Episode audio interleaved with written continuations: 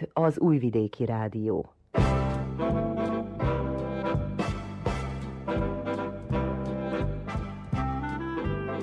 Mozaik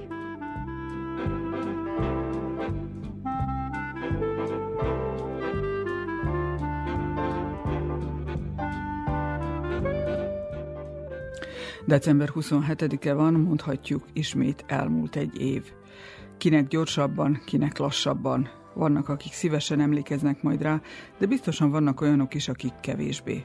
Sajnos ezúttal sem hagyhatjuk ki a világjárvány ellenlétének tényét, hiszen tagadhatatlan, hogy következményének tudható be, hogy sokszor hallottunk szomorú híreket.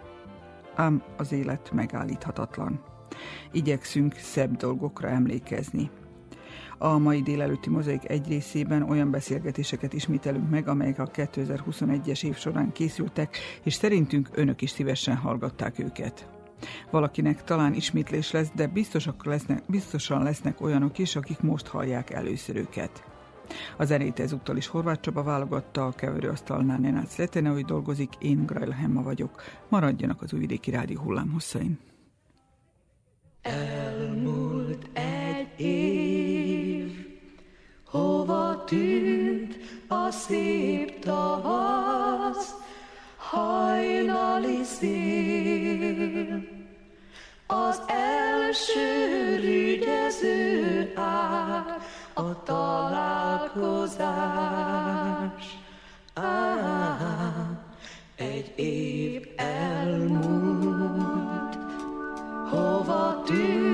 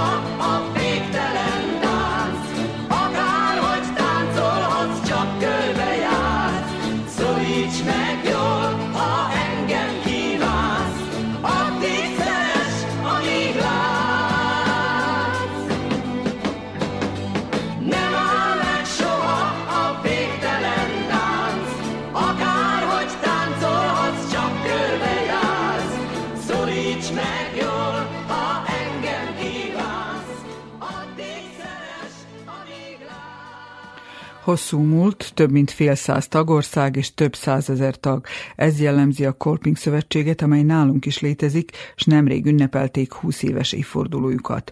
Nem lehetett túl sokat olvasni a sajtóban a jeles jubileumról, mondhatjuk talán azért is, mert inkább a szerénység és a kitartó munka jellemzi őket.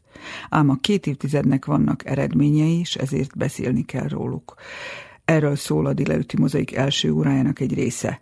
Dr. Német Ferenc művelődés történész a Kolmik Szövetség új elnöke Szerbiában. Érdeklődési köréből kifolyólag múltbéli dolgokról faggattam, mindjárt kiderül miért is. A Kolping Társaságnak Szerbiában 20 éves múltja van, azonban sokkal előbb már vannak bizonyítékok arra, hogy a Kolping Társaság létezett. Igen, éppen a 20 éves jubileum indította el ezt a folyamatot, hogy érdemes volna föltérképezni a Kolping mozgalom múltját itt a mai Vajdaság területén. Ezekhez a kutatásokhoz több hónappal ezelőtt láttam hozzá, eléggé nehéz kutatni, most ne részletezzük azért, mert a levéltári anyaga nagyjából a katolikus legényegyleteknek vagy eltűnt, vagy megsemmisült, levéltárakba nem került be, az egyház se őrizte meg, mert nem kimondottan egyházi szervezetről, de egyház közeli szervezetekről volt szó. Elég az hozzá, hogy Tomics Melinda fölkérésére és bátorítására láttam hozzá ezekhez a kutatásokhoz, és csodálatosan érdekes eredmények jöttek már most felszínre. Ezekből a kutatásokból reményeim szerint, reményeink szerint csak hamar majd egy könyv is készül, és ennek a adat együttesnek a legérdekesebb része az, hogy már kilenc évvel a pesti kolping, illetve a pesti legény egylet megalakítását követően, tehát mindössze kilenc évre rá, Bezdánban már megalakult a katolikus legény egylet. Na most e, itt e, hogy jön össze ez Kolpinggal? Úgy, hogy Kolping, ugye, aki tudjuk, hogy római katolikus pap volt, Németországban élt, ő nem sokkal a halála előtt 1800 56-ba részt vett személyesen, a sors úgy hozta, hogy személyesen részt vehetett a pesti, első pesti legényegylet megalakításában. Később halálát követően, ugye, és a pesti eh, legényegylet eh, országra kiterjedő tevékenysége folytán, itt a déli végeken is, fölkarolták Kolping tanait, amelyek, ugye, amely tudjuk azt, hogy tulajdonképpen a Biblia tanítására, a, a katolikus egyház tanítására épül, és a vezéreszméje az, hogy fogjunk össze, segítsünk egymáson, és ha összetartozunk, akkor támaszkodjunk is egymásra. Ez a, az egész legény egylet mozgalom tulajdonképpen abból az ötletből indult ki, hogy a az akkor nagyon népes, a 19. század derekán nagyon népes iparos ifjúság, az valójában el volt hanyagolva, nem foglalkozott vele, velük senki, se szociális szempontból, se, oktatás vonatkozásában sem, és tulajdonképpen Kolpingnak a, az egyik legnagyobb úgy erénye az volt, hogy nem hagyta és nem engedte, hogy ezek a fiatal mesterlegények, inasok kocsmákba járjanak, hogy züllött életet éljenek, hanem Istennek tetsző keresztény életmódot próbált tanain keresztül, meg szervezetein keresztül megvalósítani. Ez sikeres képletnek bizonyult Magyarország vonatkozásában is. Na most, a legény egyletek természetesen mondani sem kell, hogy többszörösen hasznos munkát végeztek, de ezt a munkát mindig a helyi lelkészsel, káplánnal, plebánossal tudták valahogy kiteljesíteni, tehát hogy, hogy ez egy, ez egy komplet foglalkozás legyen a fiatalokkal, és ez a mi első vajdasági katolikus legényegyletünk, a Bezdáni, amely 1800, 1865-ben alakult meg. Ez itt a déli végeken kezdte népszerűsíteni Kolping tanait. Természetesen, hogy nem jöhetett volna létre a pesti legényegylet vezetőségének a támogatása nélkül, és az, ami, ami jó, hogy a bezdáni iparosokat, iparos fiatalokat azonnal beszervezte, lapokat járattak, könyvtárt alapítottak, és a keresztény szellemiségről, vagy a, a katolikus egyház tanításának az érvényesítéséről a, mindig a helyi plebános gondoskodott, nem csak Bezdán vonatkozásában, más vonatkozásban is.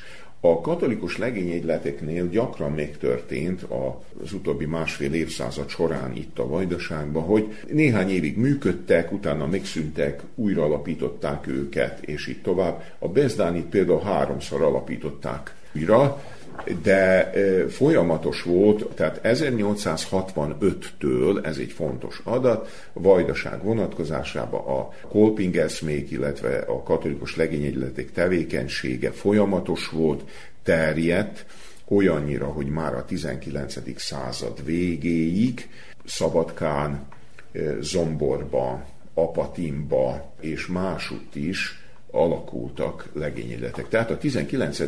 század végéig már mi azzal büszkélkedhetünk, hogy, hogy van néhány egyesület. Az aranykor az tulajdonképpen a két háború közötti időszakra esik. Itt nagyon fontos az, hogy Trianonnal fontos kiinduló pontja volt ugye a katolikus legényegyleteknek az, hogy mi Trianonnal kisebbségi egyik napról a másikba az itteni magyarság kisebbségi sorsba került. Identitás problémákkal is, is küzdködött, nem engedélyezték a két háború között, nem nagyon engedélyezték a magyar művelődési egyesületek munkáját, tulajdonképpen akadályozták a magyar osztályok megnyitását, és így tovább. Tehát megingott eléggé a vajdasági magyarság identitása. És itt lépett be a történetbe a római katolikus egyház, a papjain keresztül, és a katolikus legényegyletek is itt angazsálódtak olyannyira, hogy fölértékelődött a, a szerepük a magyar kisebbség vonatkozásában, mert ők tartották a lelket, ők bátorították a, a magyar kisebbséget, próbálták megszervezni, nem hogy próbálták, meg is szervezték azt, hogy a, a fiatalok, akik az Egyesületbe tömörültek, tehát hogy megtanuljanak írni, olvasni, főleg olyan közegekben, ahol nem volt magyar oktatás, tehát ez a közösség, a vajdasági magyar kisebbség szempontjából kiemelten fontos volt az, hogy a helybeli római katolikus papság és a katolikus legényegyletek tagjai maximálisan angazsálódtak itt, hogy pótolják valahogyan a magyar oktatás hiányát, a magyar művelődési rendezvények hiányát, amire nagyon nehezen adtak engedélyt a hatóságok, és ezt mind fölvállalták. Tehát a két háború közötti időszakban beszélhetünk az aranykorról, amikor az én kutatásaim szerint, vagy a, a, egy, egyféle statisztika szerint a mai vajdaság területén körülbelül száz különféle katolikus előjelű vagy katolikus jellegű szervezet, egyesület működött. Tehát nem csak legényegylet, hanem katolikus leányegylet és egyéb katolikus gazdasági vagy vallási egyesület működött. Ez egy nagy szám, és ez a körülbelül száz egyesület, ennek a körülbelül száz egyesületnek több ezer aktív tagja volt. Na most miben merült ki ezeknek a legényegyleteknek a munkája ebbe az aranykorban, amiről beszélünk? Abban, hogy szervezték a fiatalokat, megtanították őket írni, olvasni, megszervezték a szórakozási lehetőségeket is. Nem egy római katolikus káplán Vajdaság falvaiban vállalta föl azt, hogy műkedvelő előadásokat rendezzen. Tehát mi, hogyha ha uh, belelapozunk, vagy föllapozzuk a Bokrétát, a Vajdasági Magyar Műkedvelők almanakját, akkor látjuk, hogy helységről helységre mindig megjelenik a katolikus legényegylet is, mint szervező erő, mozgató erő, és számos jó sikerült műkedvelő előadásokat szerveztek, és ez nem véletlenül történt. Ezekben a kis elszigetelt falvakban, pláne télen, amikor el voltak zárva a világtól, ők igényelték azt, hogy valahol összejöjjenek, szórakozzanak, és valahogyan tartsa bennük valami a magyarságukat. Tehát a magyar identitás megtartásának ez egy fontos eleme volt, ez a katolikus legényegylet tevékenység. Volt ennek még egy vonatkozása is, hogy tulajdonképpen ezek a káplánok és papok, akik rendszerint elnökei is voltak, vagy társelnökei a katolikus legényegyleteknek, ezek időnként tartottak olyan előadásokat a fiataloknak, hogy milyen szellemben kellene, hogy tevékenykedjenek, hogy milyen az Istennek tetsző élet, és próbálták ezt valahogyan ilyen irányba terelni, hogy megóvják a fiatal iparosokat, inasokat, ugye a kocsmázástól, az erkölcstelen élettől, és így tovább. Úgyhogy hangsúlyosan pozitív szerepük volt a két háború közötti időszakban. Ez tartott körülbelül néhol a, egészen a második világháború végéig. A kommunista korszak véget vetett ennek a szép gyakorlatnak, hogy így mondjam, és be kellett várni a rendszerváltást 1989-ben, hogy újra indulhasson valami. Dr. Német Ferenc, a Szerbiai Korping Szövetség elnöke a szervezet múltjáról beszél nálunk és Magyarországon. Az Anyországban 89-ben újraindul ez a mozgalom, és lelkesen újították ezt föl, mert tudták, hogy mennyire pozitív volt a múltba, és ugye ezen a múlt tapasztalatain okulva próbálták minél előbb felújítani, és olyan szívet melengettető olvasni ezeket a magyarországi írásokat arról, hogy miért kell felújítani a legényegyetek munkáját. Itt nálunk Magyarország tól eltérően itt késtek ezek a folyamatok objektív okok miatt. 90-es években, ugye rendszerváltás után itt polgárháború volt, és tulajdonképpen meg kellett várni az ezred fordulót, tehát ott 2000 táján akkor alakulhattak ki itt a föltételek arra, hogy ismét fölújítsuk valamilyen formába a szervezett formába ugye a Kolping munkáját, amely most már nem katolikus legényegylet formában működik, hanem, hanem másként, de úgy szintén nagyon hasznos az itteni magyar közösségre nézve. És voltak éppen ezt a két dolgot próbáltuk összehozni a nemrégi eh, jubileumi ünnepségen, ahol összefoglaltam ennek a történetét, és a ugye Tomics Melinda pedig az, utó, az utóbbi húsz év munkájának a jelentését tette ehhez hozzá, amiből kiderül, hogy milyen szerteágazó, gazdag és társadalmilag hasznos munkát végeztek. Egész idő alatt a katolikus egyházról beszéltünk, meg a magyar közösségről, ám mennyire egy nyelv és egy vallás köré tömörül a kolping. Mármint, hogy más ajkúak és más vallásúak Ez... tagjai lehettek-e a múltban a kolpingnak? A múltban egyértelműen katolikus előjelű volt ez, és a római katolikus egyház tanításának szellemében működött. Természetesen, hogy most már a 21. század elején ez teljesen megváltozott. Ami azt jelenti, hogy a Kolping társaságba magától értetődő, már a lakosság összetételéből adódóan, hogy más vallásúak is részt vesznek, és itt tulajdonképpen nem a katolikus jellegét vagy ideológiáját hangsúlyozzuk, hanem tulajdonképpen csak a, annak a, a, az eszméit, a, az elveit vesszük át, és próbáljuk ugye a gyakorlatba alkalmazni, de annélkül, hogy sértenénk azokat a kolping tagokat, akik eh, pravoszláv vagy más eh, vallásúak. Most az utóbbi időben egy ilyen elfogadott fogalom az, hogy amikor eh, erről beszélünk, tehát a kolping tevékenységéről, akkor mindig a keresztény jelzőt használjuk, mert ez egy tágabb fogalom, mintha csak azt mondjuk, hogy most római katolikus. De a múltba egyszerűen ilyen fejlődési fázison ment keresztül. Ma, mai világban, pláne Újvidéken, vagy itt Vajdaságban, Vajdaság különben is közismerten ugye multikulturális és multikonfessionális közeg, és itt nem lehet ennyire csak a, a magyarságra és csak a katolikus egyházra lebontani, viszont itt a tagok, a, a más vallású tagok is, ugye akik nem katolikus vallások, azok is ugyanúgy hozzájárulnak a, a kolping működéséhez és sikeréhez.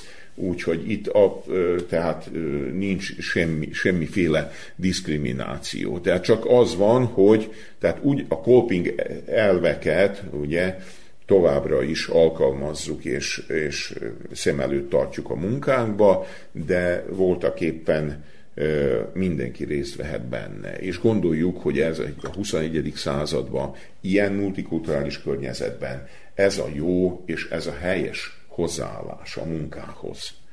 És akkor még csak visszatérjünk a legelejére, amikor elhangzott, hogy Bezdámból indult, erre van-e magyarázat? Igen, hát említettem a legelején, hogy tulajdonképpen a Kolping azzal kezdte a tevékenységét, hogy látta, hogy Németországban az iparos ifjúság az van elhanyagolva, ugye nevelési, oktatási, vallási szempontból, és őket kezdte szervezni. Na most ilyen alapon történt ugye Pesten is az első legényegylet megalakítása. Bezdánba, ha jól tudom, több száz iparos működött abban az időben, ott a 19. század derekán, és később is Bezdán az iparosságáról volt híres, tehát ez, ez kézenfekvő volt, hogy rögtön ráhangolódtak a Pesti Egylet megalapítása után, elkezdték, fölvették a kapcsolatot velük, és, mint ahogy mondtam, a Pesti legényegylet vezetősége hathatós segítséget nyújtott, szervezési, meg szellemi segítség, logisztikát ugye a bezdániaknak, bezdáni plebánosnak, aki ezt tulajdonképpen megszervezte, úgyhogy itt nagyszámú iparosságról volt szó, és ez volt itt a lényeg. Német Ferencet, a Szerbiai Kolping Szövetség elnökét hallottuk, most pedig következzen a közelmúlt, Tomics Melinda, a Kolping igazgatónője avatott erről beszélni. Hallottuk az imént, hogy a Kolping társaság Szerbiában az forduló után kezdett újra működni, illetve újra létesült. Ezeket az éveket mi jellemzi a legjobban? Igen, így van, szóval a Szerbő Kolping Társaság ebbe az évben ünnepli a 20 éves jubileumot. Számunkra ez egy nagy jubileum, és nagyon fontos, nem csak olyan szempontból, hogy 20 éve működünk, mint Kolping Szerbiába, hanem ha megnézzük egy átlag non-profit szervezetet Szerbiába, hogy milyen, hány évet működik, és milyen tradíciója van, azt gondolom, hogy a, a Szerbiai Kolping Szövetség igazán büszke lehet erre a 20 évre. Mennyire volt nehéz újraindítani? Az újraindítás az egy komplex folyamat volt, ami úgy nézett ki, hogy a Magyarország Kolping Szövetség támogatásával indult be a Szerbiai Kolping Szövetség, ugyanakkor a romániai Kolping Társaság is sokat segített ebben. Az ottani Kolping önkéntesek, tagok jöttek ide, és velük együtt alapítottuk meg újra a társaságot. Eleinte a szerbiai Kolping társaságnak országos irodája Szajánba volt, és épp azért a mostani jubileumot ott, ott is ünnepeltük meg. Van-e valami magyarázat arra, hogy miért éppen Bánátban kezdett terjeszkedni? Persze, hát e, nyilván azért, mert az ottani magyarságot karoltuk fel elsőnek, és az ottani plébánosok segítségével indítottuk be a szervezetnek a működését Szerbiába. Szóval a terep hajlamos volt, és igény volt arra, hogy éppen ott ö, legyen az első kolping aktivitás, az első kolping családalapítás és hasonló. Tíz évig Szajánba működött, és ezután úgy döntöttünk, hogy újvidékre fogjuk átköltöztetni az irodát, praktikus okok miatt manapság itt egy tíz személyre írja a projekteket, de a Kolping családokkal meg leginkább bánátban vannak, velük együtt vezessük le az aktivitásunkat a terepen. Mit jelent az, hogy Kolping család? A Kolping társaság egész világ szerte úgy működik, hogy tagokból áll. A tagok be tudnak tagosodni a társaságon, a társaságba, és a tagok maguk alapítják meg, vagyis alkotnak kolping családokat különböző lokációkon, például Szajánba, Padé, Ada, Becse, Újvidék is hasonló. Ezek a kolping családok valójában tagokból állnak, és ö, saját aktivitásaikat vezetik le, ö, saját maguk szervezkednek, és az irodától kapják valójában a támogatást abban, hogy tudjanak szervezkedni és aktivitásokat vezet, vezessenek le. Miért fontos ez? Azért, mert a kolping tagok, vagyis azok a személyek, akik betagosodnak a szervezetbe, és szeretnének különböző aktivitásokat levezetni ö, saját falvukba vagy városukba, legjobban tudják, hogy mire van igény. Mi itten az irodában igazából tudunk segíteni és felkarolni ezeket az ötleteket, de valójában ahhoz, hogy igazán tudjunk segíteni nekünk, azt meg kell hallgatni azokat az embereket, akik ott vannak terepen, és tudják, hogy mire, mire van szükség, mire kell reagálni, milyen kihívásokkal találkoznak minden nap. Ha jól tudom, az elmúlt időszakban a hangsúly a fiatalokon, a nőkön és az időseken volt.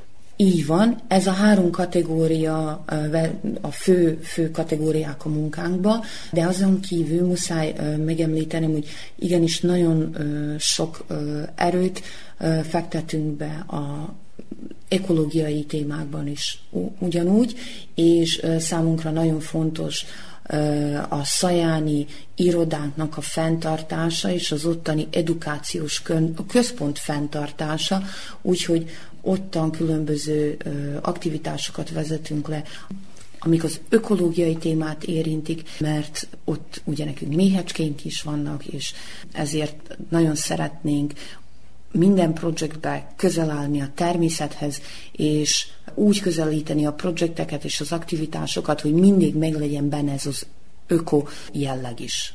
Egy-egy ilyen szervezet pénzbe kerül. Köztudott, hogy a németországi anya szervezetből jön a legtöbb segély, míg mindig ugye nem beszélhetünk arról, hogy önfenntartók vagytok. Így van, a Kolping International, amely a szervezetnek az alapítója, nagy támogatást nyújt a szerbiai Kolping társaságnak, de azon kívül különböző projekteket írunk az Európa Unió felé, fordulva kérünk pénzt a német államtól, a szerbiai államtól ugyanúgy, és próbálunk találni olyan támogatókat, akik felismerik a munkákat, értékelik a keresztény alapokat, és hajlandóak befektetni és támogatni a szerbiai kihívásokat és problémákat, amit próbálunk megoldani. Nagyon nehéz egy non-profit szervezetnek működni manapság. Egyik projektből a másikból megyünk át, és csak is projekt gondolkozásunk van, de attól függetlenül nagyon szeretnénk, és az is a tervünk, hogy önfenntartó szervezet legyünk, olyan aktivitásokat tudjunk nyújtani a társadalomnak, amiből anyagi hasznot tudunk ö, szerezni a társaságnak, és ezt a pénzt utána befektetni új projektekbe, vagy segíteni az embereknek a terepen. Hallottuk, hogy Bánátban a legfejlettebb a Kolping Társaság. Merre terjeszkednétek még tovább? Így van, Bánátban nagyon sok tagunk van, de attól függetlenül ugye azon gondolkozunk, és az a tervünk, hogy Szabadkán is különböző aktivitásokat vezessünk le, Zomborba és hasonló helyeken, úgy, még a városokon kívül lévő falvakban. Szeretném mondani, hogy a szerbiai kolpintárságnak ugye van egy elnöksége, és a mostani jubileum mellett az számunkra nagyon fontos az, hogy tisztújítás volt az elnökségbe, úgyhogy új elnökségi csapatunk van. Dr. Német Ferenc, az Szerbiai Kolping Szövetség elnöke, és azt gondolom, hogy ez az új elnökség ezen fog dolgozni a következő időszakban, hogy új városokat, új fal, falvakat célozzuk meg, és a tagságunk gyarapítása lesz a cél. Tomics Melindát, a Kolping igazgatónőjét hallottuk, a végén pedig következzen a Kolping Társaság himnusza.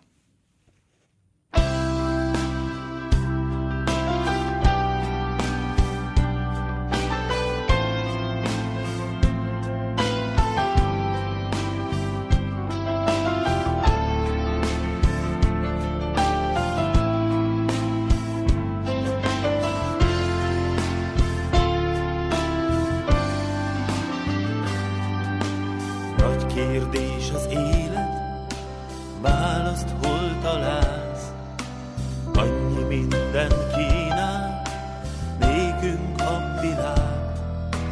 Biztos útra lelni, társ nélkül nehéz,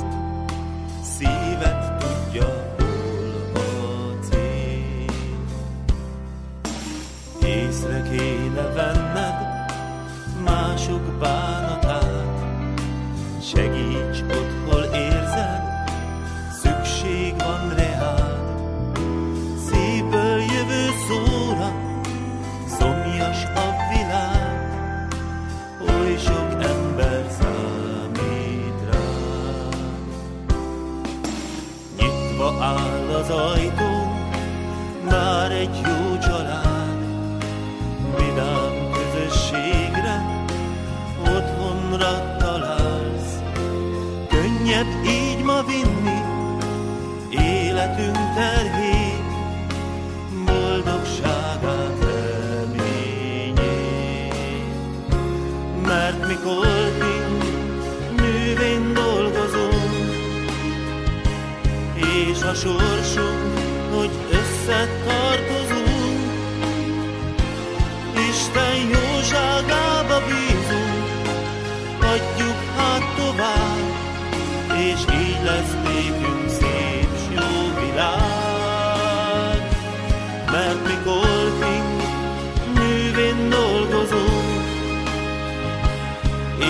Sorsunk, hogy összetartozunk, Isten jóságába bízunk, adjuk hát tovább, és így jön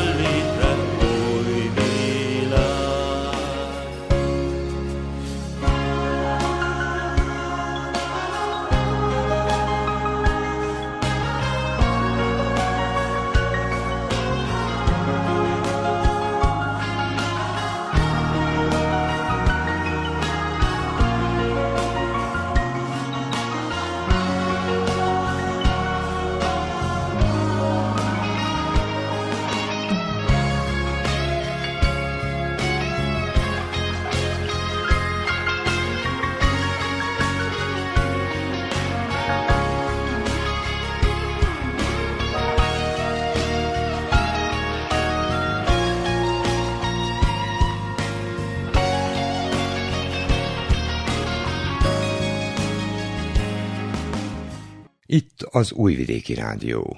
Még egy nagy múltú szervezetről, amely nálunk egyelőre Szerbiában csak Szabadkán van jelen, de ott már 7 éve ténykedik méghozzá sikeresen. Egy jótékonysági bálukon készült a most következő hangfelvétel az ősz elején, amelyen a szabadkai autisták számára gyűjtöttek pénzt. Bíró Lívia alapítóelnök és Kis Zenóbia mostani elnök beszél a Szoroptimisztról. A Szabadkai Szoroptimist klub 7 éve létezik. Egyébként 100 évvel ezelőtt alakult Kaliforniában az első Szoroptimist klub. Mit kellene tudnunk erről a klubról. Tulajdonképpen ez egy világszervezet. Hat kontinensen, hat federáció létezik a Szorokténz világszervezetben, mi az Európai Federációhoz tartozunk, és Szerbia, mint 130. ország csatlakozott ehhez a nagy világszervezethez. Szegedi klub alapított bennünket, én vagyok az alapító elnöke a klubnak. Igazából két-három éves munka van előtte, mielőtt még megalakult a klub, mert ugye ahhoz kellett megszervezni a chartert, a tagokat, tehát különböző tevékenységekből, tehát különböző profilú nők kellettek, tehát ugye az oktatás, a környezetvédelem, az emberi jogok, tehát minden területről próbáltunk össze válogatni olyan hölgyeket, akik ugye képesek és szeretnének a szabadidejükből ugye annyit ajándékozni ennek a klubnak, hogy ez működjön. Nehéz volt, de 2014-ben a Szabadkai Városházán volt a charter, az ünnepés világszervezetbe való felvételünk, ahol kaptuk a jelvényeket mindannyian, és felvettek bennünket ünnepélyesen a világszervezetbe. Szerbiában nincs több ilyen klub, ez az egyetlen klub, és hogyha a Szegedi klubból van egy nagyon aranyos kolléganő, a Galina, aki a Magyar Konzulátuson dolgozott, az ő nagy entuziazmussal segített ahhoz, hogy ez megalakuljon, és természetesen a Szegedi Szor Optimist klubnak a hölgytagjai, akik nagyon sokszor átjöttek hozzánk, és irányt mutattak, hogy hogy kellene, mint kellene.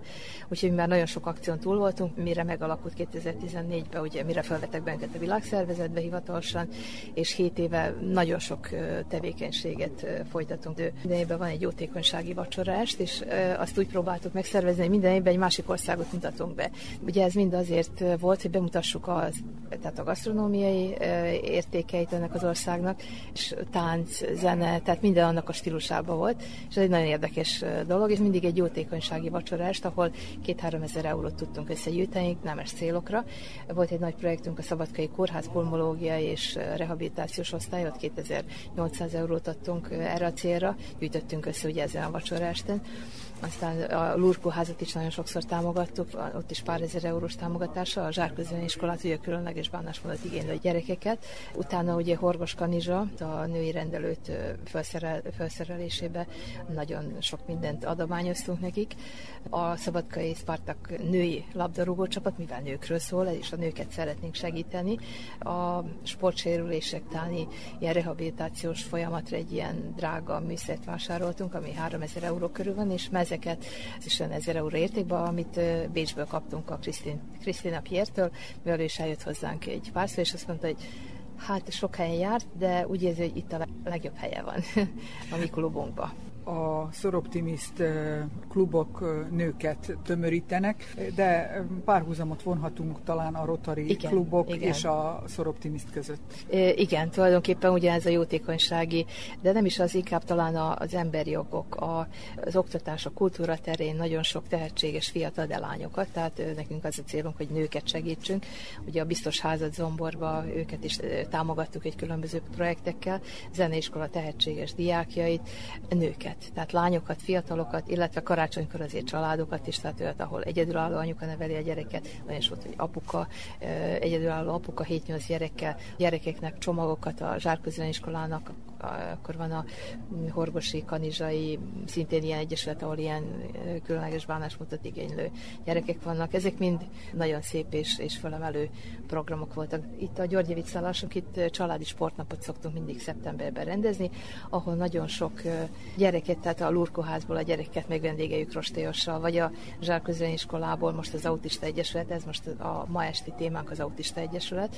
Az Autista Egyesületnek szeretnénk egy tanyát venni, hozzájárulni ahhoz, mert ugye ez egy nagy projekt, hogyha ehhez több pénz kell, ahol a gyerekek, illetve a fölnőttek is már tudnának valami olyan tevékenységet csinálni, ami, ami egy kicsit the önállóbbá tenni őket, tehát hogy akár dzsemeket, vagy lekvárokat, valami ilyesmiket, vagy süteményeket gyártsanak ott, vagy kertészkedjenek, vagy valami, ami lefoglalja őket, és a szülőket is megkönnyíti nekik a napi munkájukat, úgyhogy tudják, hogy biztonságban vannak ott a gyerekek, és ezek a most a mostani céljaink. Ugye a Covid miatt több vendéget vártunk, de hát én örülök, hogy ennyien is eljöttek, mert ez egy száz éves jubileum, amit a világ 120 ezer nője ebbe a világszervezetbe tömörülve ünnepel. 3000 klub van a szerte a világon, és ez a szeptemberi-októberi hónap egy ilyen hónap, ahol mindenki a száz éves jubileumot, ahogy tudja megünnepli. Önszántából senki sem hozhat létre Optimist klubot, tehát ez, ez egy külön procedúra, hogy milyen, szabály. milyen szabályoknak kell eleget tenni, ugyanakkor nem lehet bárki a tagja. Igen. Mik ezek a szabályok? Tehát ezek a szabályok tulajdonképpen, hogy meghívjuk, ugye, akit gondolunk, hogy szeretne, illetve ugye kifejezi a, a, az igényét, hogy szeretne belépni a klubba, akkor egy jó párszor ugye eljön a klubülésünkre, elmeséli az életét, hogy mit szeretne, mit vár, mivel mit várunk, mivel foglalkozik, mert ugye mi elküldjük a névsort mindig, az új tagokat, akiket felveszünk, sőt, amikor alakult a klub, akkor ez politika és vallásmentes. Tehát nem lehet olyan, aki nagyba politizál, vagy, vagy vallási célokért küzd. Tehát ez egy olyan szervezet, ahol politikának nincs helye. És ezért olyan nők jöhetnek, akik nem föltétlenül kell, hogy legyen egyetemje, de azért jó, hogyha ugye van különböző nyelveket beszélnek, és hogyha valaki nem szeretné, hogy felvegyük a klubba, akkor azt nem tudjuk fölvenni. Egyhangúan kell, hogy elfogadja az új klubtagokat. És egy-egy városban hogy jöhet létre új klub? Úgy, hogy keresztanyaklub kell, hogy legyen, tehát mi kell, hogy legyünk a mentorklubok, és most van is egy olyan, olyan megbeszélés, beszélésem nekem Beográdban van egy műsorvezetőnő a Kopernikus televízió, televízióból, félórás műsorba szerepeltem, elmeséltem, hogy mivel foglalkozik ez a klub, és hogy mondták, hogy igen, szeretnének ott is, hogy egy klub alakuljon, és meghívnak, akkor mi ugye többször elmegyünk, elmeséljük, hogy hogy lehet, statútum, egyéb, és amikor már úgy ugye egy jó pár találkozás után legalább minimum 20 hölgy kell, hogy legyen tagja, és hogyha ez úgy kialakul, akkor kérvényezzük a világszervezetbe a fölvételt, elküldjük a, a névsort, de a mentor klub, azok ugye akkor ebben az esetben mi vagyunk, akkor mi kérjük, hogy vegyék, hogy, alak, hogy alakulóval van egy új klub, mint hogy ez a Partisklum klubnak is mi leszünk a mentorai, pedig Szegeden van már egy másik klub, Szegeden akkor még egy klub, és mi, leszünk a keresztanya klubja a Szegedi Partisklum klubnak, és itt vannak a, ők is. Ön hozta létre ezt a szabadkai klubot, jelenleg nem vezeti, de aktívan részt vesz a munkájában, és emellett még a Villa Ankora idősek otthonát is vezeti, ahol 24 órában van mit tenni. Igen. Hogy győzi mindezt? Néha úgy magamon érzem, hogy nagyon sok mindent vállaltam, főleg, hogy még a Szabadkai Közgazdaegyetemnek az egyetemi tanácsába is vagyok, ez már a harmadik mandátum a tartományi képviselőház megbízásából. A Szabadkai Vízműveknek vagyok a felügyelő bizottság elnök, az is már a harmadik mandátum, úgyhogy a Villankor idősek otthona ugye 80 idős személy, 40 alkalmazott, tehát 120 személyről kell gondot viselni minden nap. Kicsit összetett, de én szeretem az ilyen kihívásokat, úgyhogy érzem, hogy még van elég energiám ahhoz, hogy ezt, ezt végigvigyem legyen. És a Soroptimis pedig az egy, egy szép dolog, itt tényleg barátságról is szól, segítségről, de a barátság is egy nagyon fontos pillére ennek az egésznek. És önhöz hasonló hölgyek a tagjai? Igen, tehát olyanok, akik nem sajnálják az idejüket, energiájukat, pénzüket, mert ezért ez pénzbe is kerül, hogyha van egy évi tagsági díj, de azon kívül vannak ilyen jótékonysági rendezvények is, hogyha eljönnek Szegedről, nekünk is vissza kell menni, vagy Budapestről, vagy Szombathelyről, akkor ugyanúgy nekünk is vissza kell menni. Tehát ez egy ilyen, ilyen dolog, ahol pénzt is kell áldozni, meg időt is. De ugyanakkor az a pénz, amit áldoznak, az... Jótékonyságra megy, tehát ez, ezekre a projektjeinkre megy, és még ugye keresünk még, még akkor szponzorokat, akik még hozzájárulnak ahhoz, hogy egy-egy projektünk megvalósuljon. És a mai világban vannak olyan személyek, cégek, akik Igen. önzetlenül segítenek? Igen. Például van egy ismerősöm, akinek építési cége van, és mondtam, hogy szeretném, hogyha eljönnének a vacsorára, mondta, hogy a felesége nagyon beteg, de itt van négy jegyet vásárolt, nem jönnek el, de tulajdonképpen az több mint 100 eurós donáció, minden donációnak nagyon örülünk, úgyhogy vannak ilyen emberek, akik a saját problémájuktól eltekintve azért, mert hallott, hogy az Autista Egyesületről van szó, és az nagyon is szíven érintette.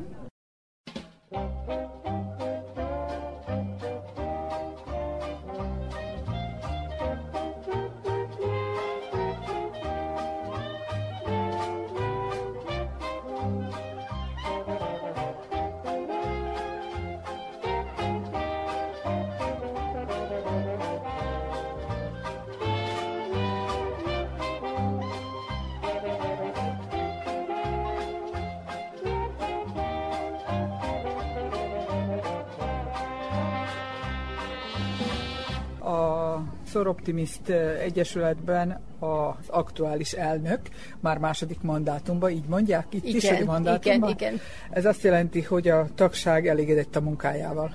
Ezek szerint igen. És hogy került be? Érdekelt ez a klubnak a tevékenysége, és egy ismerősöm elhozott engemet ezekre az eseményekre, elhozott a gyűlésekre, és én nekem ezek nagyon megtetszettek, mert én amióta eszemet tudom, azóta mindig szeretek jótékonykodni, szeretek adakozni, szeretek segíteni a másikon, és akkor valahol most nagyon megtaláltam magamat ebben a klubban. Elcsépelten hangzik, de a szép dolog kapni, de még jobb adni, ez itt maximálisan érvényesül. Igen, itt többszörösen érvényesül az, hogy nagyon jó dolog adni. Nagyon. A világon a leges legjobb dolog adni. És mi alapján döntik el, hogy éppen kiknek segítenek? Ezt a gyűlésen megbeszéljük, kapunk egy kérelmet, vagy valakit találunk olyan szemét, akire mi figyelünk fel, és a gyűlésen megbeszéljük, hogy ki mit tudna hozzászólni, hogy mit szól hozzá, hogyha ezt, ezeket a családokat, vagy ezt az eseményt, hogyha támogatjuk, és ezt közösen megbeszéljük, megszavazzuk, és amikor megszavazzuk, akkor aztán kezdődik a projekt. Ma itt az autisták vannak középpontban, őket szeretnék Igen. segíteni. Igen.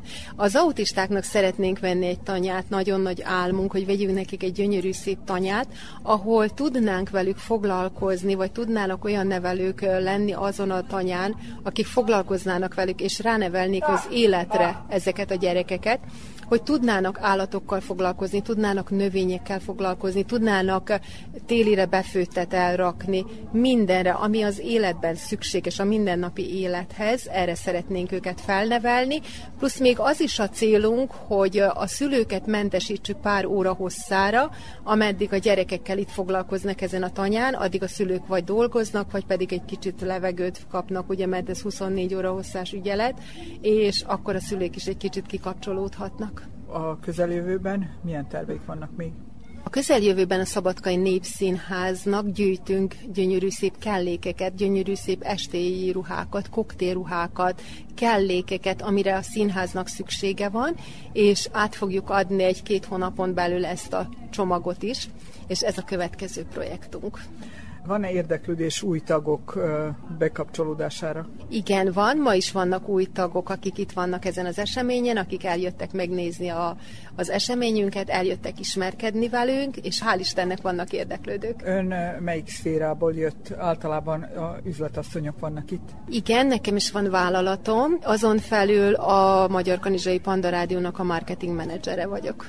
És az idejéből jut erre is. Az én időmből sokkal több időt töltök ezzel, mint a munkámmal. Az egész napomnak 70%-át elveszi ez a munka, mert ezt nagyon szeretem csinálni, és 30%-ában nagyon gyorsan befejezem a munkámat, de sokkal gyorsabban befejezem a munkámat, mert alig várom már, hogy ezzel foglalkozhassak.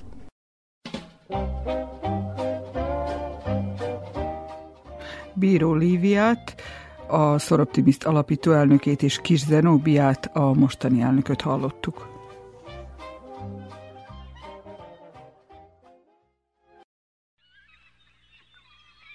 Through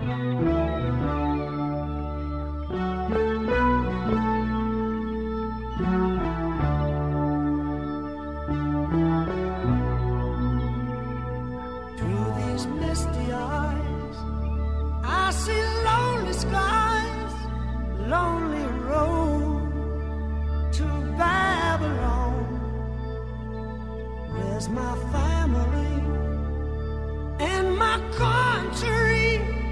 Heaven knows where I belong.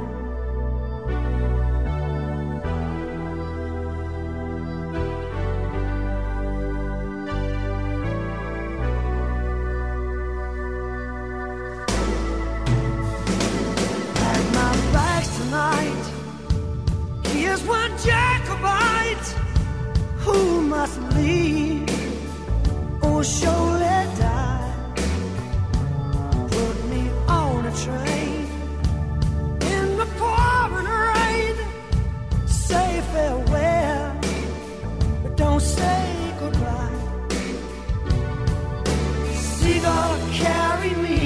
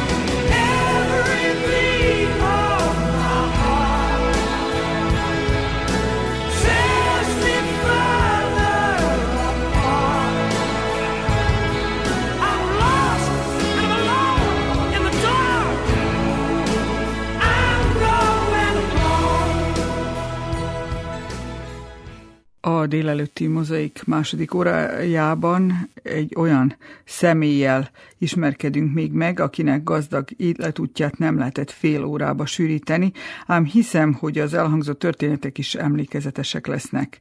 A riportalany Pogány Margit, nyugdíjas zombori pedagógus, akire szintén nem mondhatjuk, hogy csak a katedra érdekelte.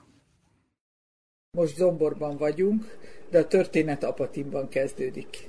Igen, ott születtem, tisztviselő családban. Anyám az első világháború alatti influenza járvány betege volt, és a szívére húzódott úgy, hogy megbénult az egyik billentyűje.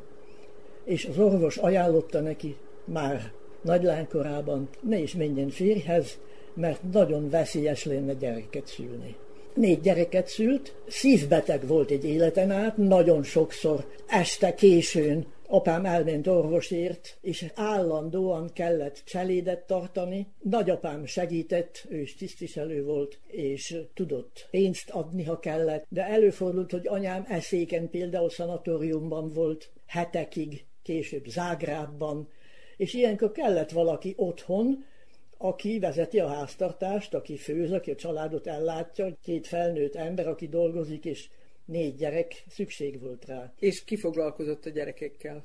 Azon kívül, hogy ebédet kaptak, és tiszta ruhájuk volt. Napközben, hát mi iskolába is jártunk, de hát apám nagyon gondoskodott a gyerekeiről, nem csak újságot jártott nekünk, gyermeklapot is, könyveket vásárolt, olvasott, nekünk is adott belőle. Zongorárat tanultam én, Gizi hugom is, Pisti hegedült, nagyon tehetségesnek tartottak bennünket mindig. Legjobbak voltunk bárhol iskolában. Mi osztrákok voltunk eredetileg, és a nyelv otthon nagyon sokszor attól függött, hogy aki cseléd nálunk, vagy aki idősebb doroszlóról, gombosról, felnőtt, idősebb nő, aki éppen tudott jönni néha egy évre, néha csak rövidebb ideig, de később, ha szükség volt rá, még egyszer eljött. Hát így volt nálunk egy egész fiatal özvegy német lány, a Mári, és mellette szakácsnőnek mondjuk egy doroszlói Julis néni. Óvodában nem jártunk. Azt mondták a szüleim, hogy hát nem muszáj, és a cselédek azt mondták, hogy vagytok ti elegen, maradjatok csak itt velem. És eljátszogattak együtt. El, igen, megvoltunk mindig. Az a Mári néni például, akit említettem, az, mint fiatal özvegy, eljött hozzánk másodszor, mert már 13 éves korában volt először, mikor a Pisti született. És akkor, hát mit csináljon, ugye senki ilyen nincs, a szüleinek csak útban lenne otthon, eljött hozzánk újból. Annyira szerettem, hogy amikor úgy volt, hogy férjhez megyek, azt mondtam, de a Mári néninek ott kell lenni, vendégül hívjátok, és előbb jött és segített készíteni. Amikor azt mondja, hogy cseléd, ez manapság ez a fogalom szinte ismeretlen, hiszen nem igen van házvezetője senkinek, igen. akkor ez mit jelentett?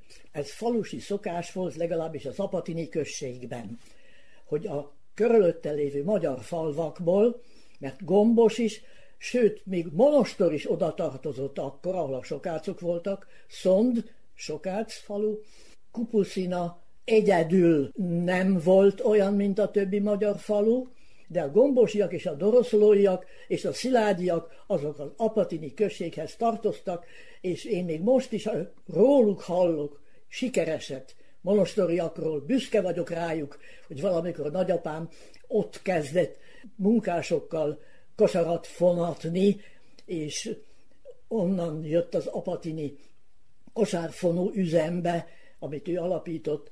A cselédeknek jó soruk volt maguknál? Igen. Hogy éltek együtt velük? Cselédnek adták a lányaikat, a doroszlójak és a gombosiak, hogy megtanulják az új házaknál a szép viselkedést, a főzést, a házi munkát, és ez tartott egy bizonyos ideig, és akkor visszavették a lányokat, mert hát annak kell férjhez menni. És van egy ismerősöm most itt Zomborban, ez azért ismerősöm most, és ragaszkodik hozzám, mert van neki fényképe, amit akkor, mikor az ő anyja cseléd volt Apatinban, mi nálunk volt, apám nagyon szeretett fényképezni, saját maga előhívta a képeket, és ebből kapott az ő anyja emlékül egyet, ahol én az anyja ruhájában állok, mi házunkban, mint talán 13 éves kislány, és amikor a háború után ő megszületett, és nem volt a gyerekeknek való mesekönyv, képeskönyv, gyerekújság, akkor még egész pici korban fényképeket adtak neki, és mikor ráismert az anyja ruhárája, és benne egy idegen arc, kérdezte, ez kicsoda. Hát ez a Margitka. És a Margitka képet vitte magával az első és a második házasságába. Mielőtt iskolába került volna, Margit néni már tudott olvasni. Ezt a történetet ossza meg velünk. Otthon tanultam meg, tiszta véletlenből a 30-as évek elején nagy szenzáció volt a Lindberg család története, mert a Lindberg fiatalember, már apa, első volt, aki repülővel átrepülte az óceánt, és később a felesége is, Viszont amikor ez először megtörtént, az alatt elrabolták a kisfiúkat az anyjától, és később, amikor megtalálták, úgy emlékszem, hogy meg is ölték. Ezt hozta akkor az újvidéki, das Deutsche Volksblatt, azt hiszem úgy hívták. Apám megtudta, hogy ebben van erről az esetről szó, és elhozta nekünk, és avval jött, hogy a Lindberg bébit ellopták. Honnan tudott, kérdezzük. Óvodáskori gyerekek lehettünk volna, de hát nem jártunk óvodába. Odaadta az újságot, azt mondja, itt van. Pisti a bátyám azonnal szétnyitotta, lehasalt előtte a szőnyegen, mutató ujjával kezdte olvasni a címet, utána a többit. Én még a túlsó oldalon térdelve figyelem, aztán leülök a térdemre, és mondom, kezd csak újból, de hangosan, hogy értsem. És mutató ujjával újból végig olvassa, és én a betűket figyelem onnan ellenkező oldalról, és megkértem, hogy még olvasson, hogy ilyen betűket találjak, és így tanultam meg gót betűt olvasni fölülről.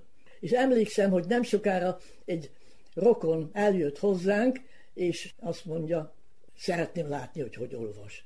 És apám hívott bennünket, az udvarban játszottunk, gyere és olvasd el ezt. Én fogom az újságot, megfordítom, azt mondja Tóni bácsi, hát ne fordítsd, de így könnyebb olvasni. És akkor visszafordítottuk, hát nehezebben, de elolvastam neki. És ő csodálkozott, hogy mire vagyok képes. Feltételezem, hogy az iskolában nem volt gond a tanulással. Nem. Mindig a legjobb voltam.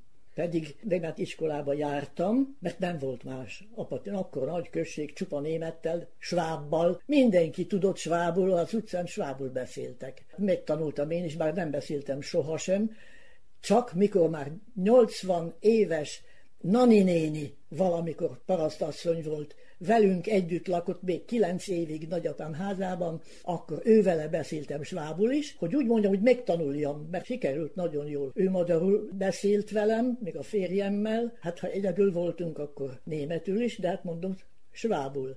Különben is a mi németünk a patinban, és itt különben is a műveltek emberek, akik németül beszéltek otthon, azok osztrákul.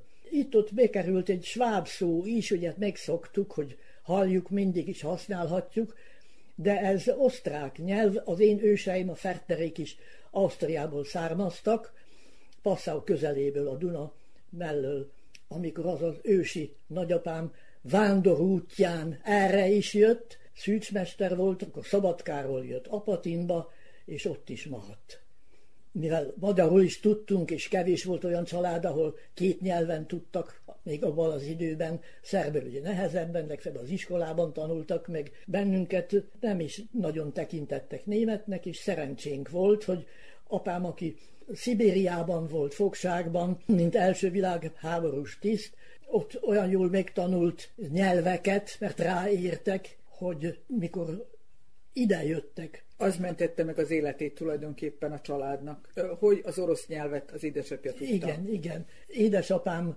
tudott az oroszokkal beszélni, és amikor véletlenül az ő igényük szerint megfelelt a, mi házunk, szemben el tudták helyezni az magasrangú tisztjüket, és az ő irodája mi nálunk lehetett, nagyapám szobájában, és ezek az oroszok olyan kedvesek voltak, tisztviselő és az írnokja, és az írnok különben újságíró, családos ember, ezek olyan jól érezték magukat nálunk, mintha otthon volnának. Mikor erről hallott az ő magasrangú tisztjük a szembelévő házban, hozott húst, még kérni anyámat, hogy főzzön neki is, és ott ettek nálunk, persze külön, de elláttuk őket, úgyhogy ők megvédtek, amikor az utolsó német repülő bombát dobott Apatinra, a hajógyártól kezdve be a város felé is, az utolsó bomba esett a mi szomszédságunkban, nálunk csak az ablakok törtek be, de ők jöttek szólni nekünk, hogy nyugodtak legyünk, pincébe maradjunk, ha újból jönnének,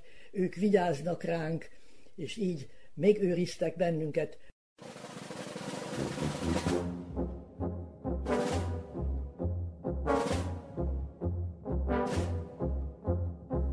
Igazmesék. Innen, onnan.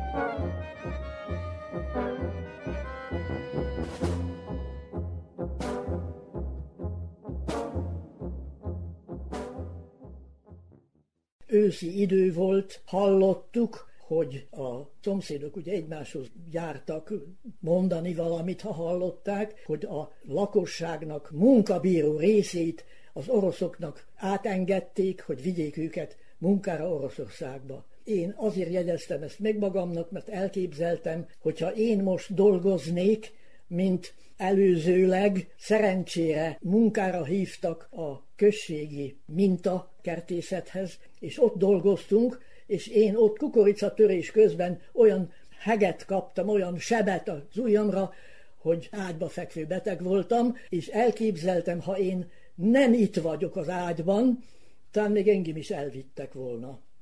Úgyhogy ezt jól megjegyeztem magamnak. De az élete további részében semmi köze nem volt a mezőgazdasághoz, a kertészethez, hiszen a tanítóképzőt fejezte be. Igen. Erre a pályára ki irányította?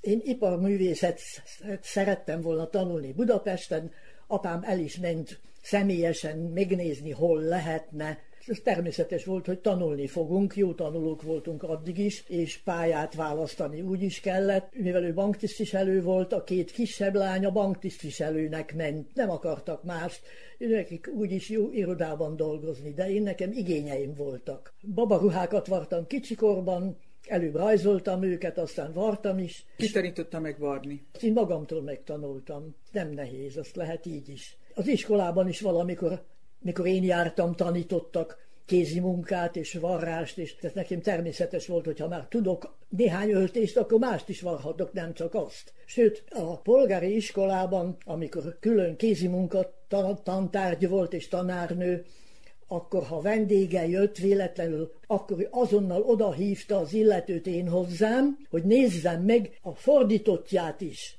Azt is akarta megmutatni, hogy nem csak a színe a kézi munkának, hanem az alja is van olyan szép. És erre büszke volt? Büszke voltam rá.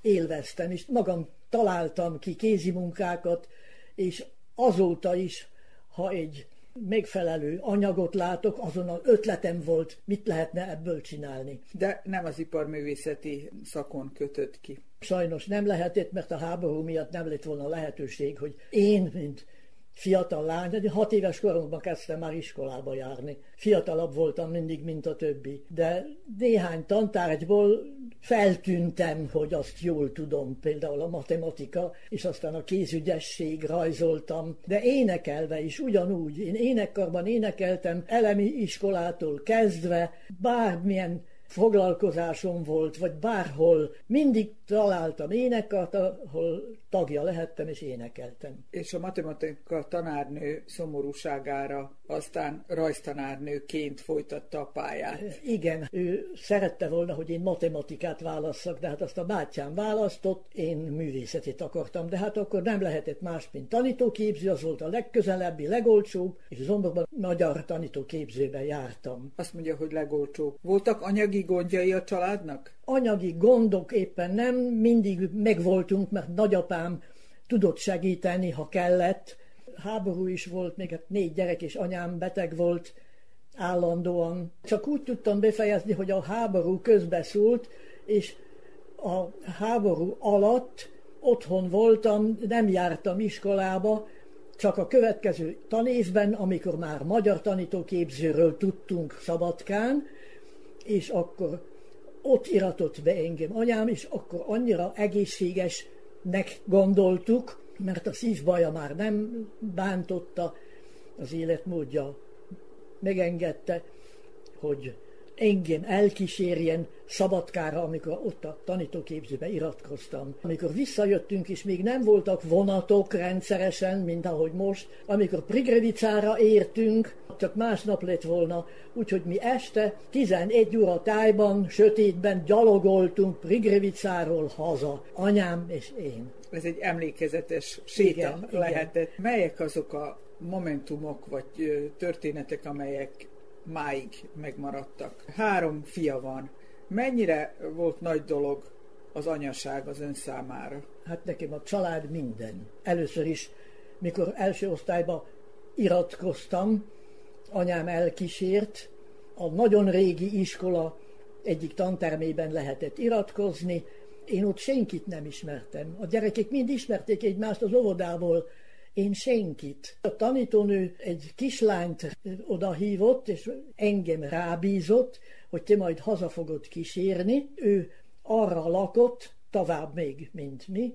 Ő vele jártam akkor haza, és így ismertem meg a többi kislányt is, aki velem egy irányban ment hazafelé. És akkor így kezdtem lassan megszokni a családon kívüli életet és embereket is. Én nekem a család éppen azért olyan természetes, hogy, hogy az kell, hogy létezzen, és a mostani problémák a család körül olyanok, hogy szinte fölháborít engem, hogy van, aki család nélkül akar gyereket, vagy ne is beszéljünk erről a modern ember elleni gondolkodásról. Mindig is három gyereket szeretett volna? Többet. Legalább még egy lányt, ugye? Hát igen. De a férjemmel megegyeztünk, hogy három lesz. Hát itt a, a névről is kellene beszélni róla. Ami a neveket illeti, az nekem mindig fontos. Amikor én még kislány voltam, és a Zombori úton vagy tejért mentünk, aval a Márival, aki nálunk cseléd volt, vagy szembe volt keresztanyámnak az üzlete, ha üzletbe mentünk, akkor mindig elmentünk a Zombori úton egy ház előtt, ahol több gyerek volt, és egy magas, szép fiú, jóval idősebb, mint én, de azt Tibornak hívták. És nekem annyira tetszett ez a fiú, úgy látszik, nem csak a neve, de a nevét elhatároztam, megtartom a családomnak, ha egyszer fiam lesz, az Tibor lesz. Aztán később gondoltam, hát jobb lenne két fiú, nem elég az, hogy egy, de annak a másiknak lehetne a neve Zoltán, mert a szépen illik a Tiborhoz.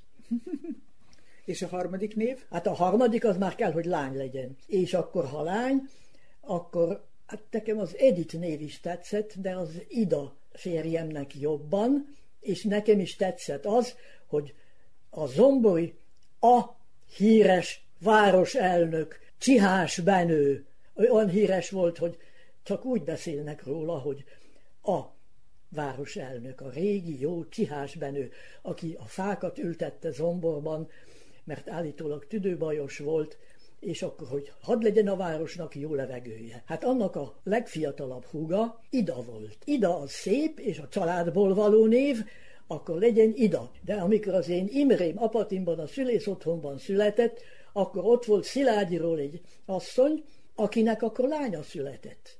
És beszéltünk a nevekről. Azt mondja, Hát az én férjemmel mi Imrét akartunk volna, de hát most lány lett, most mit csinálunk? Hát mondom, én még fordítva idát akartam volna, de hát nálunk fiú lett. Azt mondja, cseréljünk, és, és cseréltünk, és az, az Ida Imivel együtt járt a gimnáziumba. És amikor ők muzsikáltak, volt köztük Zombori Apatini kupuszinai zene értő fiú, akik egy nagyon jó összecsengő együttest tudtak létesíteni, és az énekes, a Kupuszini Jani, akinek tetszett az ida, azt mondta, hogy mi lehetnénk sógorok is, hogyha te most ott és akkor születtél, mintha már testvérek volnátok, akkor legyünk mi sógorok. És ez tetszett a többi zenésznek is, is. Kitűnő név a sógorok a mi zenekarunknak.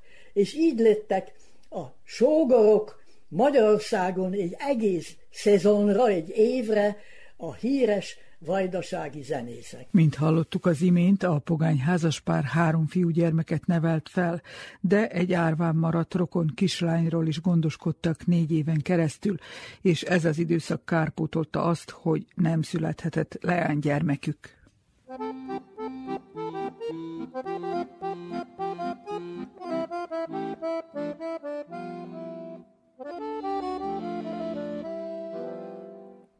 Új világot találtam én itthon, megszerettem új embereket, bár addig egy kevés idő eltelt, míg megtaláltam én a helyemet. Nem vagyok oly fiatal, mint régen, nem is leszek olyan soha már. De azért a nagymamák szemében még én vagyok a férfi ideál.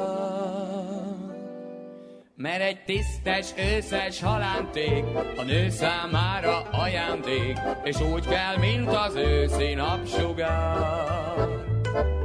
Ha sor kerül a tavaszra, még nincsen okom panaszra, a május csókja csak szívem talál. Már nem járok a zserbobobobobóba, a fekete-feketép forróba az eszpresszóba. Szóval én mondom egy tisztes, őszes halánték, a nő számára ajándék, és úgy kell, mint az őszi napsugár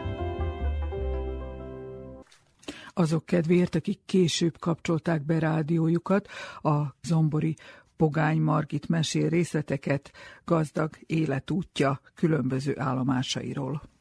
Amikor én befejeztem a tanítóképzőt Szabadkán, ott is a legjobbak közt voltam, és fölmentettek érettségi alól, nem kellett ott lennem és vizsgáznom, hanem mivel az én kézírásom volt a legszebb, beültettek egy, egy, egy tan, tanterembe, egy nagy csomó üres nyomtatványt kaptam a képző befejezése utáni érettségi bizonyítványt, hogy én töltsem ki az adatokat. Ahogy én tanultam, a régi kaligrafikus ferdeírás, apám volt valamikor Apatinban a híres, aki ilyen szépen írt, akkor én ott kitöltöttem, saját bizonyítványom is én töltöttem ki. És akkor ez után, amikor már az összes osztálytársam dolgozott valahol, szeptember harmadikán mondjuk, engem hívtak Újvidékre tartogatták a legjobbakat, csak Újvidéknek és Temerinnek maradt gimnáziuma. Temerini iskolában a felső osztályokban kellett nekem tanítani, ami van. Az összes lánytorna, magyar és szerb tagozaton. Ott tanítottam földrajzot, biológiát, orosz nyelvet, Hát, amit kellett, néha helyettesíteni ezt is, azt is, mert rajzra szó se került, pedig beiratkoztam a főiskolára. Amikor annak az első évnek Temerinben vége volt, akkor nem tudom pontosan, mondjuk 11 tanárból a felső osztályokból, maradt ott három. A többi mind szökött. És akkor hogy kerül a történetbe a jövendőbeli férj? Hát akkor én kértem apatint. Mindenki kérte, hogy hazamenjen.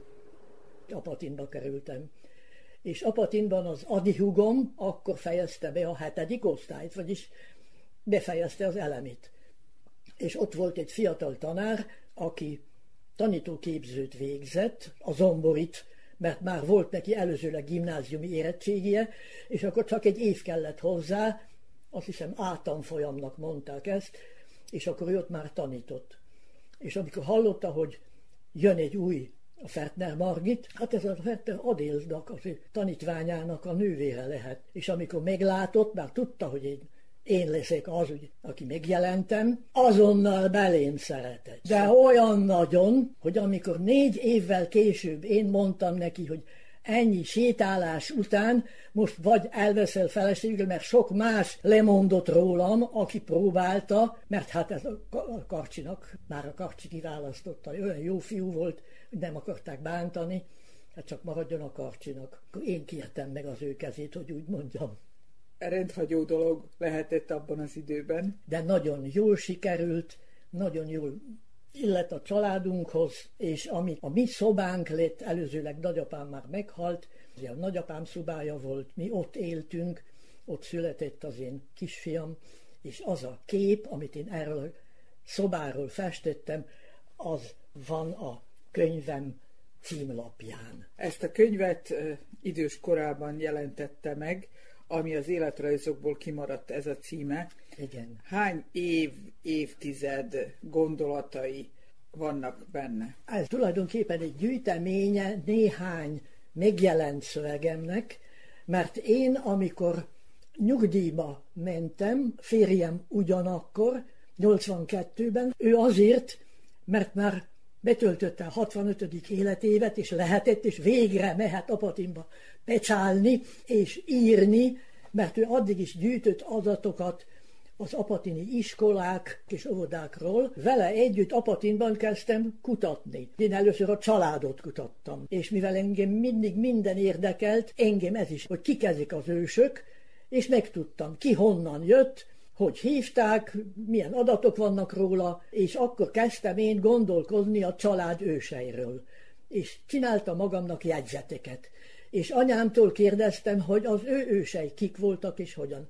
Úgyhogy én akkor tizen valahány éves koromban, még az apatini iskola idején kezdtem gyűjteni az ősök adatait és amikor, mint nyugdíjas, annyira ráértem, hogy most ezt még jobban bővíthetem, és addig is akárhol, akár mikor tudtam, bővítettem, én kezdtem családfát készíteni, és kutattam a férjem ősei után, és külön megcsináltam a családfákat, és az én gyerekeim részére kétféleképpen. Egyiket úgy, hogy az ősöktől kezdve, az utódok, ő hozzáik úgy, hogy visszafelé. Ővelük kezdtem, az ő szüleik, azoknak a szülei, és így tovább. Szóval itt kezdődött az érdeklődés a múlt. Igen, és a, a férjem az iskola iránt érdeklődött, hát akkor én is.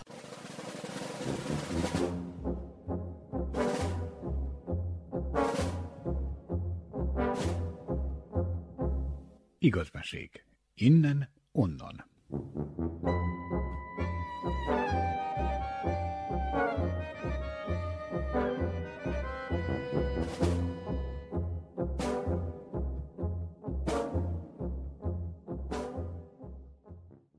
hallottuk, hogy mennyi mindennel foglalkozott aktív korában, közben a három gyerekét is nevelte, feltételezem, hogy háztartást is vezetett. Hogy tudta mindezt elérni? Cselédje már nem hiszem, hogy volt. Nem, nem volt cselédem soha. Mert ez már egy másik korszak volt, amikor mindezt csinálta. Amikor én Apatinból akartam Zomborba kerülni, mert a férjem a tanítóképzőben már tanított, és két évig utazott, ha gyűlés volt, azt mondták, ezt nem lehet. Itt van egy millió, tessék lakást szerezni, vagy házat, és itt lakni, és akkor használhatjuk bármikor, amikor kell. És akkor jöttünk Zomborba. Gyerekeimet beírattam a testvériség egységben, és akkor volt pályázat, za nastavnika likovne grupe koji zna oba nastavna jezika ima stručni ispit i iskustvo. Tehát pont két, rám Két szól. nyelven tanított. És akkor bejöttem Zomborba, jöttem jelentkezni a pályázatra. Elutasítottak. Hát mondom, miért nem? Pa vecmo uzeli drugog. Hogy, hogy? Hát ki az a drugi? Ez? Hát mondom, ennek középiskolája van csak, semmi egyéb. Hát ez itt tanít. Elég baj, hogy fölvették. És nem sikerült meg Erre azt mondta az igazgató nekem, jöjjek ki. Molim vas, nemojte nás prijavit. És akkor visszamentem be az irodába, azt mondták ketten, igazgató helyettesek. Hoćete da predajete matematiku, onda dođite. Hoću! Erre ők lepődtek meg. ők nem tudták, hogy mi milyen matematikai családból vagyunk. És akkor matematika tanárként. matematikára, és én tanítottam a matematikát egy pár évig, és akkor kaptam mellé egy osztályban rajzot, és aztán már több osztályban. Műsoridőnk véges, és nem csoda, hogy nem sikerült Pogány Margit nénivel mindenről említést tenni. Ezt ő is megjegyezte. Annyi mindent nem mondtam még, ami szerintem fontos lenne. Például? A prúgán voltam. Tudja, mi az a prúga? Munkaakció? De igen. Mi csak úgy tehettük le a középiskolát, érettségit, ha elmegyünk egy hónapig a prúgára. És melyik munkaakción volt? Samat Sarajevo. És az, az nem volt kérdés, hogy a szülők elengedik, nem engedik, menni kellett. Nem.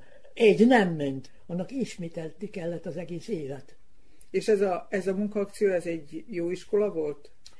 Külföldiek is voltak, azt hiszem a csehek, akik köszönettel életük legszebb ideje. Így. Na valóban. Így. Nagyon érdekes volt. Sok Na, lehet, hogy nem mindenhol, de én a szabadkai brigádban voltam, a szabadkai képzőből, azért, mert ebben az osztályban névsor szerint Ernyes, Fertner, Giric, Girizd. Az Ernyes volt a fő kommunista az egész képzőben, és a névsorban, és én a legjobb tanuló, együtt akart lenni. Annak ellenére, hogy tudta, hogy én másnak tetszem. Engem protekciósok közé a szabadkaiba. És amikor húsvét volt, van egy olyan írásom, hogy Uszkeszna Prúzi. Ott voltak húsvétkor a munkaakción. Mesélj ezt még el. Április volt, május 1 kellett ott dolgoznunk. És egy szabadkai szakács volt velünk, hát szabadkai csoport, ugye. Bunyevácok voltak velünk legtöbben, lányok is. Mi az emeleten laktunk fönt, de vagyis padláson aludtunk, és alattunk aludtak a fiúk. És hallottam néha suttogva mondták, hogy én, hogy ova. Szigonoje Béla, Pártizánka. Apámnak az első világháborúból való jaknia, hogy valamit kellett, mert hideg idő volt. Nem. Levenszel minden gomb és hasonló kartona szabású. Gondolták, hogy én, mert én a nevem is furcsa, és sok mindent tudok. Most már csak egy evréka. Ez voltam én, szerintük. És a rajztanárunk kérte, hogy készítsünk rajzokat, bármit, és mikor visszamentünk, az osztályban volt még néhány jó rajzoló.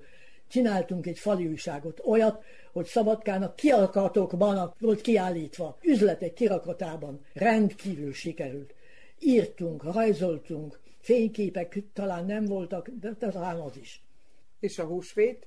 Na most a húsvét olyan volt, hogy amikor a, az edényünkkel odaértünk, a szakács osztogatta a nagy bográcsból, akkor azt mondta, néha magyarul, néha szerből, attól függ, hogy talán ismert bennünket. Én a húst máma külön tettem, nem úgy, mint máskor, és aki nem akarja, az ne vigye el. Akkor rájöttünk, nagy péntek van.